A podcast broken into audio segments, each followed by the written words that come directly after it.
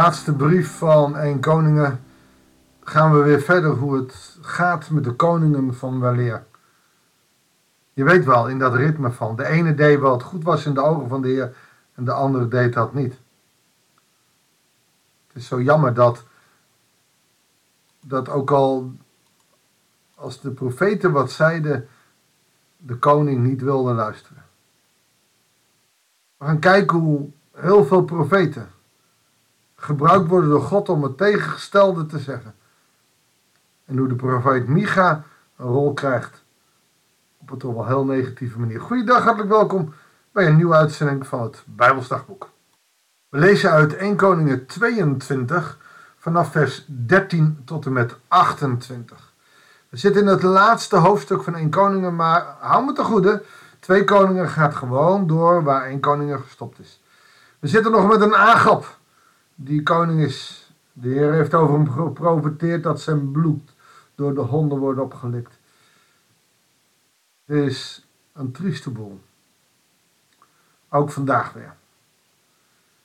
We lezen in het eerste gedeelte, wat we dus niet hebben gelezen, dat er na twee jaar waarin geen oorlog werd gevoerd tussen Aram en Israël, dan komt Jozefat, de koning van Juda, bezoek brengen aan de koning van Israël. Dat is Agab.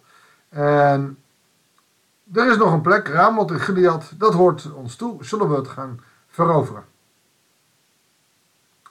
En dan gaan ze alle profeten raadplegen, want we moeten eerst de Heer raadplegen. Dat is op zich heel goed. Alleen al die profeten zeggen: trek op, doe maar. En dan vraagt Jozef: wat is hier nog een profeet van de Heer die we kunnen raadplegen? De koning van Israël antwoordde: er is nog wel iemand die de Heer van ons zou kunnen raadplegen, maar ik heb een hekel aan hem. Agab, die wil eigenlijk niks meer. Die baalt. Die, koning, die profeten, uh, die hebben niks dan ja, slechts over hem uitgesproken. Dat ligt natuurlijk niet aan de profeet. Dat ligt natuurlijk helemaal aan de koning. Maar dat wil zo'n koning op dat moment niet horen. Laten we gaan luisteren naar wat ons vandaag verteld wordt. Want Micha wordt gehaald. Waar Agab zijn hekel aan had. De bode die Micha was gaan halen, zei tegen hem: Luister, alle profeten verzekeren de koning eensgezind dat de strijd goed zal aflopen. Mogen uw woorden even gunstig zijn als die van hen. Oftewel, de bode heeft al zoiets, weet je.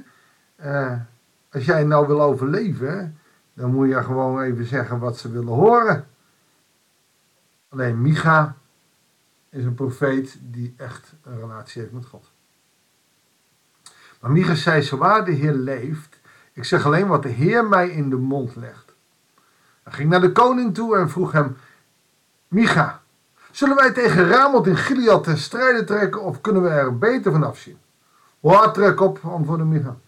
Uw veldtocht zal slagen en de Heer zal u de stad in handen geven. Meteen reageert de koning. Hoe vaak heb ik u niet bezworen om in de naam van de Heer niets dan de waarheid tegen mij te spreken? Agap heeft het door. Dit kan niet zo zijn. Het kan niet zo zijn dat hij nu opeens positief is. Het kan niet zo zijn dat nu opeens de zegen van de Heer bij me is. En in plaats dat hij daar een conclusie uit trekt, zegt hij, zeg me nou de waarheid. En toen zei Micha, ik zag Israël verspreid over de berghellingen, als een kudde schapen die geen herder heeft. De Heer zei, ze hebben geen leider. Laat ieder in vrede naar huis terugkeren. Koning van Israël zei tegen Jozef, wat heb ik het niet gezegd? Hij profiteert nooit iets goeds over mij, alleen maar onheil. En Micha zei, luister naar wat de Heer te zeggen heeft. Ik zag de Heer op zijn troon zitten en aan wederzijds uh, van hem stonden alle hemelse machten opgesteld. De Heer vroeg, wie gaat Agab overhalen om tegen Ramot in Gilead ter strijde te trekken, zijn ondergang tegemoet? Oftewel, ik heb een mooie toekomst voor hem, hij gaat een ondergang tegemoet. Dat had ik al geprofiteerd.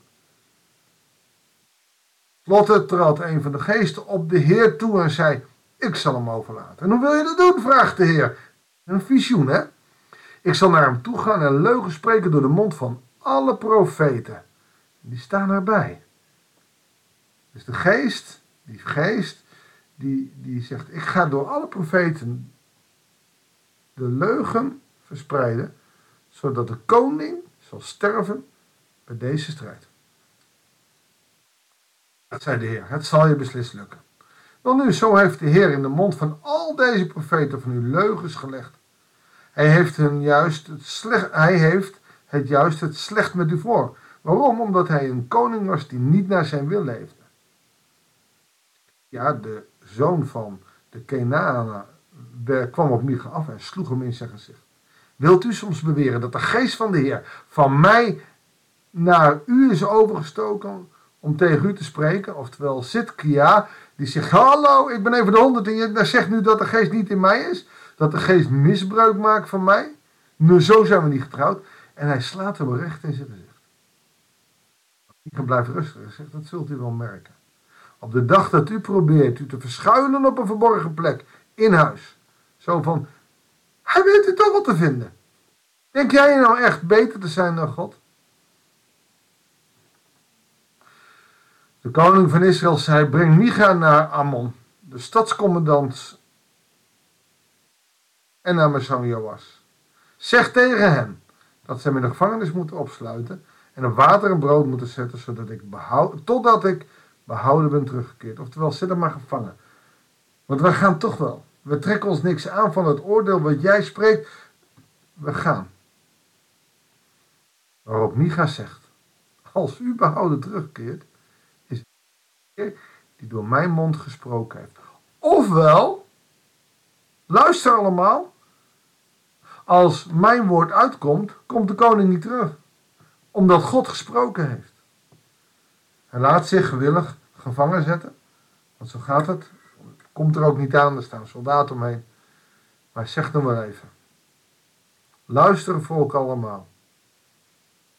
Ja, niet door mij gesproken heeft, zult u behouden terugkeren. Agap gaat zijn dood tegemoet. Maar heeft geen zin om naar de profeet te luisteren. Hoe is het met jou? In de Bijbel lezen zijn er absoluut uh, plekken en plaatsen in de Bijbel die aangeven hoe wij moeten leven volgens zijn wil. Maar velen van ons zullen zeggen, nou ja, dat vind ik eigenlijk allemaal niet zo handig, dus dat doen we niet. Dat is jammer. Wij luisteren ook niet altijd naar de Heer.